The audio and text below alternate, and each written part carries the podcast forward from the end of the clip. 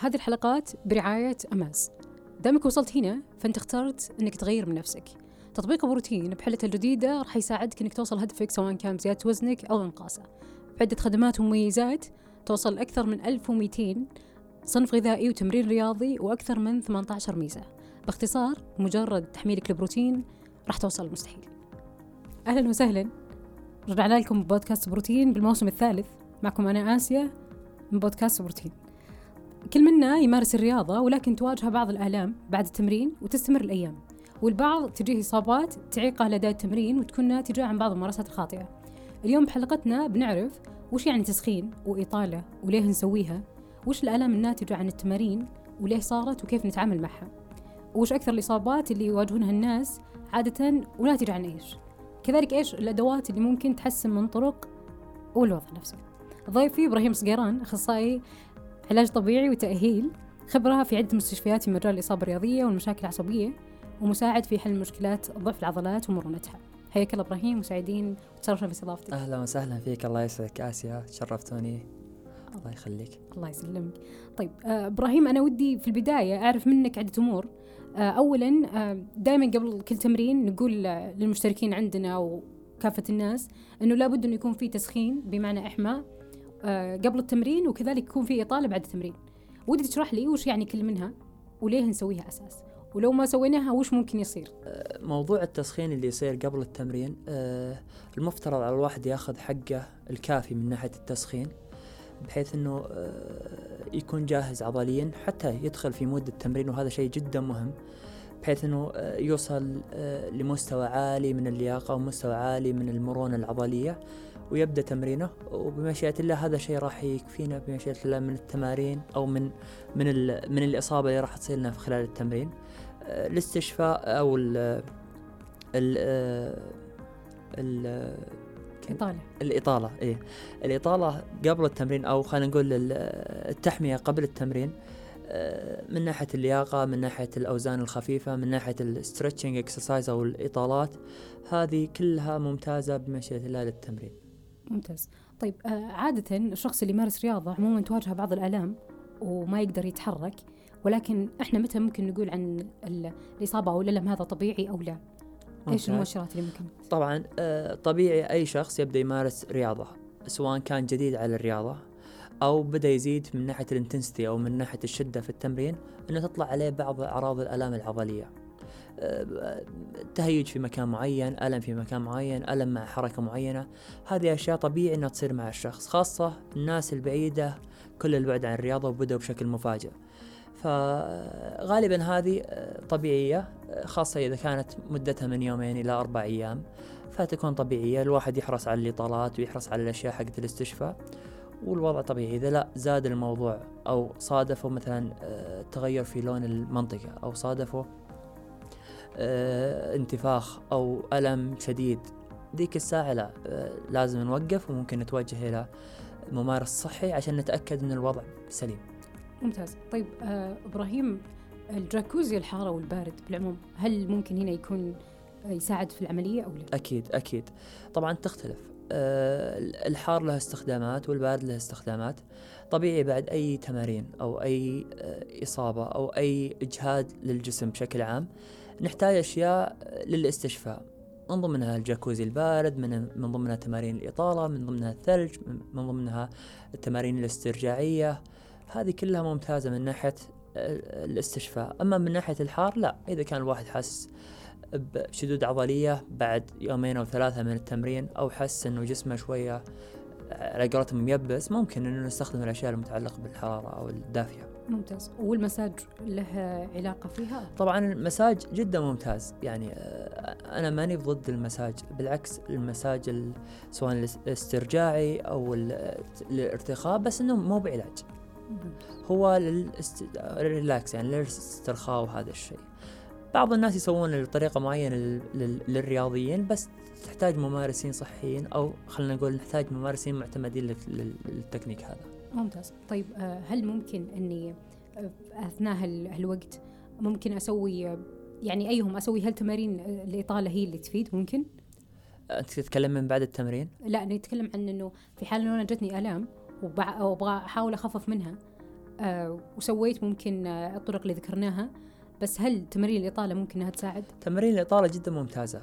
موضوع أن الواحد يسوي stretching أو إطالة لعضلة معينة أو الأنسجة قاعد يدخل أو يحرك الدورة الدموية يدخل أكسجين للعضلة يطلع waste product أو الفضلات العضلات. فهذا الشيء قاعد يريح العضلة وهذه جدا ممتازة. آه، الإطالات والبواقي الأشياء اللي ممكن تسوي الاستشفاء جدا ممتازة للناس الممارسين الصحيين ممارسين الرياضة بشكل عام. آه، هل في عدد لها معين؟ مثلا عدد تمرين معين واحد اثنين أو مدتها كم ممكن تقريبا؟ يختلف. بالغالب التكرار يصير من ثلاثة لخمسة أتكلم الثبات ومن عشر ل 15 ثانية كثبات ممتاز جدا تمرين واحد أو مجموع؟ عدة تمارين كل عضلة لها عدة تمارين يختلف العضلة وش مس... الشخص وش مستهدف أي عضلة و بس إنه تمرين التمرين لكل عضلة ك st... ك stretching يعتبر آه، كافي. ممتاز. طيب آه، إبراهيم أنا ودي شوي أدخل في مجال عيادتك. okay. وش أكثر الإصابات ممكن أو الأمور اللي دائما تحس آه، العملاء يجونك بشكل أكثر فيها؟ تمام طبعا يختلف من ناحية الجنس النساء عن عن الشباب ف في الأول كانت كرة القدم هي اللي هي سوقنا صراحة كرة القدم كانت سوقنا من ناحية إنه رياضة العالم كلها تلعبها وفيها كونتاكت أو فيها آه، يعني تلاحم فكانت آه، جدا إصابات كثيرة منها.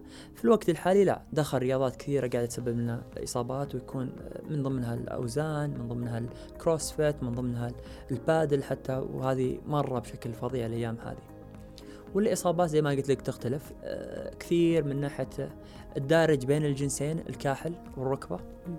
بشكل عام سواء التواء الكاحل التهاب في وتر الصابونة قطع لا سمح الله في الأربطة في الغضاريف هذه منتشرة للجنسين خاصة رجال بس ممكن عاد ندخل شوي في الحوض من ناحية النساء أكثر يعني بسبب حجم الحوض في النساء أكبر. ممكن أسفل الظهر للجنسين الرقبة والكتوف للجنسين أيضا. طيب آه، لو بقول لك يعني أنا بتصوري في مجموعة أسباب قد تكون هي المسببه لها يعني آه، هل مثلا الوزن لو أنا شلته بشكل كبير مرة كان هو المسبب؟ أو وغيرها إيش ممكن أسباب كانت هي الناتجة عن بشكل عام مسببات الإصابات بشكل عام عديدة. خلينا ما نتكلم عن الإصابات اللي جاية عن طريق حادث أو أو أو direct trauma أو إصابة مباشرة. الإصابات الناتجة عن آه، قلة الوعي خلينا نقول. أغلب الناس عندنا عندنا إشكالية إنه من الحماس يبدأ فجأة في تمرين معين. ما يكون جاهز. أو مثلا يلعب مباراة أو يلعب بادل أو يلعب وات فهو مستواه ما يهيئ إنه يلعب مستوى رياضي بالشكل هذا. فيدخل في هذا يدخل عاد في الإصابات سواء الإصابات العضلية أو الأشياء الثانية المتعلقه بالأوتار الاربطه بس كثير إصابات ناتجة عندنا هنا من قلة الوعي. الناس تدخل التمرين لا تحمي أو تلعب بأوزان جدا عالية من الحماس. من ناحية الاستشفاء وال recovery جدا آه، بطيء. فهذه الأشياء هي اللي قاعدة تسبب لنا إشكاليات. ممتاز. وأنا بضيف لكلامك عادة في شيء دائما ألاحظه آه، في النادي بالغالب أحيانا ممكن تكون الأجهزة من نادي لنادي مختلفة. صح. فممكن يجي شخص متحمس وبيشيل الوزن اللي كان متعود عليه صح. بس الجهاز اختلف فأنا دائما يعني رغم لي سنوات امارس رياضة بس اللي أسويه إني أول تمرين إذا الجهاز جديد علي افك الاوزان نهائيا والعبها بدون وزن صح. أساس أتمكن صح. وممكن ترى هذه تعتبر كانه كأنه تحمية إن الواحد يلعب بأوزان خفيفة. عشان أول شيء يضبط الزاوية آه، التكنيك المعين بعدين عاد يبدأ يزيد في الوزن ويكون يعني يكون حذر. يعني جدا مهم نقاط إنه الواحد يكون مركز بتمرينه ما يركز بجواله ما يركز بأحد يسولف عنده لازم يصير focus كامل على التمرين. لأنه هو يتعامل مع machine ما فيه. أنت غلطان ممكن تدهور نفسك. بالضبط. وكذلك يعني من المفترض إنه يعني حتى لو كان الجهاز أحيانا عليه صوره توضيحيه فالأفضل إنه يشوف مقطع الشخص اللي يطبق تمرين نفسه. أكيد أكيد أكيد إنه المقاطع كثيرة حتى ما يمنع إنه يسأل حتى صح. سواء في النادي المدربين أو الناس اللي تتمرن يعني ما لا يستحي من هذه الأمور. بس آه أو في تطبيق بروتين أو في تطبيق بروتين صح صح. ممتاز. طيب آه إبراهيم آه أنا سبق وشفتك كنت تتكلم عن أدوات تحرير الانسجه أو كاسات الهواء. آه، والفوم آه، رولا واللصقات الطبيه آه، ودي تحكي لي عن كل واحدة منهم بشكل مفصل وش فائدتها ومتى استخدمها وكم مدة استخدامها. ممتاز. طبعا هذه من ضمن الأشياء اللي ممكن تعمل في عيادة العلاج الطبيعي. ممتاز. حلو. عدة أشياء ممكن الواحد يسويها في عيادة العلاج الطبيعي. آه، سواء كانت متعلقة بإصابات مباشرة للرياضيين أو الإصابات بشكل عام. حلو. العلاج اليدوي وعاد بحر. من ناحية التعامل معه ممكن استخدام ال equipment الأدوات الثانية من ضمنها زي ما قلتي dry cupping أو كاسات الهواء جدا ممتازة من ناحية الأنسجة وتحرير الأنسجة. آه، من ناحية ال smart tool أو الحديدة ممكن شايفين العالم كثيرة منتشرة الحين. نفس الفكرة تدخيل أكسجين للعضل تطليع ال waste product أو فضلات العضلات. حتى من ناحية ال dry needle أبر جافة جدا ممتازة للناس اللي يعانون من عقد عضلية وشدود. فتكون كلها هذه تحت إشراف طبي. آه، جدا ممتاز الصداع ولا آه الصداع إذا كان متعلق بموضوع عضلي. لأنه نتكلم عن من ناحية النك الرقبة كلها عضلات أو الجسم كامل. فبعض المرات شدود العضلات قاعد يسبب لنا صداع قاعد يسبب لنا صعوبة في البلع قاعد يسبب لنا ألم في الصدر. بس لازم نتأكد إن المشكلة عضلية مو مشكلة ثانية. وهذه تكون من الممارس الصحي آه واللاصق الطبي. أنا أشوفه صراحة أعتقد إنه يباع في كل مكان. اللاصق الطبي منتشر كثير. وجاء فترة صار هبة. هو جدا ممتاز وله طريقة لاستخدامه وله عدة مجالات في استخدامه. تبدأ من التحفيز تبدأ من تثبيت تثبيت مفاصل تسريع الدورة الدموية للانتفاخات عوامل كثيرة. بس تحتاج مارس صحي لأنه تركيبه بطريقة خطأ ممكن يسبب لنا تهيج في البشرة أو مشاكل إحنا غنيين عنها صراحة. ممتاز. طيب آه في جانب يعني أنا ودي أدخل اللي هو الحزام اللي نلبسه وقت التمرين. أنا أدري إنه هو له علاقة ثانية بمعنى اللي هو ممكن يساعدك إنك تشيل وزن أكبر.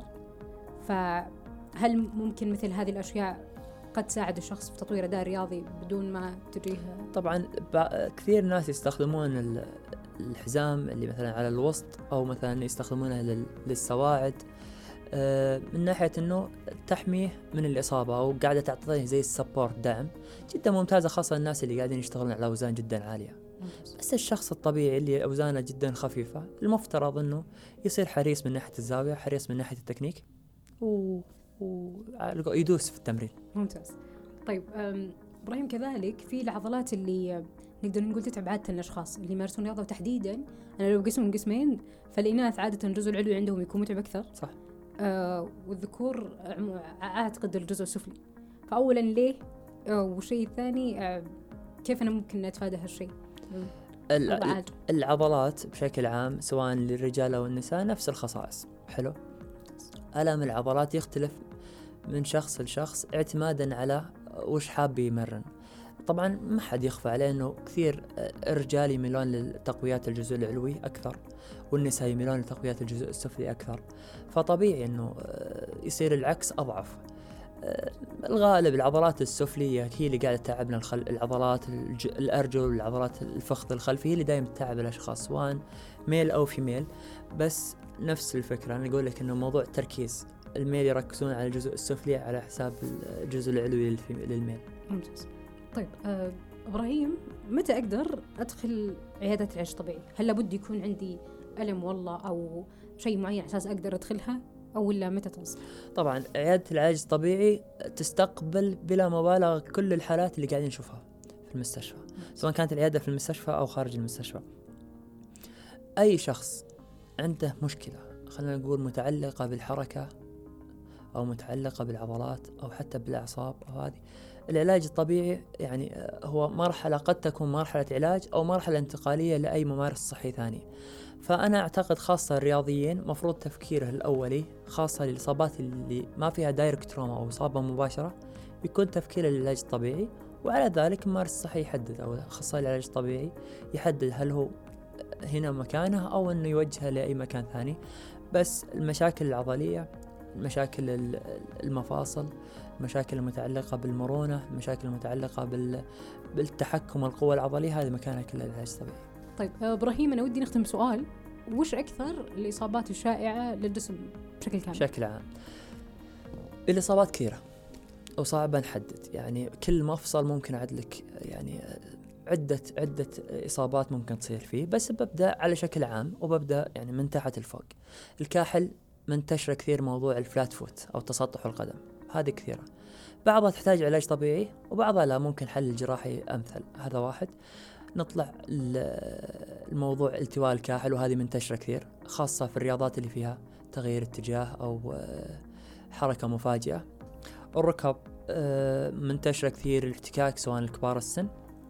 الالتهابات اللي تصير في الأوتار والمناطق آه، والمنطقة اللي تحت الصابونة للرياضيين بشكل عام خاصة اللي يستخدمون السير خاصة اللي يستخدمون أجهزة الجزء السفلي فيصير عندهم دايم آلام في في مقدمة الركبة وهذه من أكثر الإصابات المنتشرة في الركبة ما عاد الإصابات المشهورة اللي هي الأربطة والغضاريف. نتكلم عن الحوض والإصابات العضلية المتعلقة فيه كثير منتشرة خاصة للنساء آه، وخاصة أيضا بعد الولادة وبعد المشاكل اللي تصير.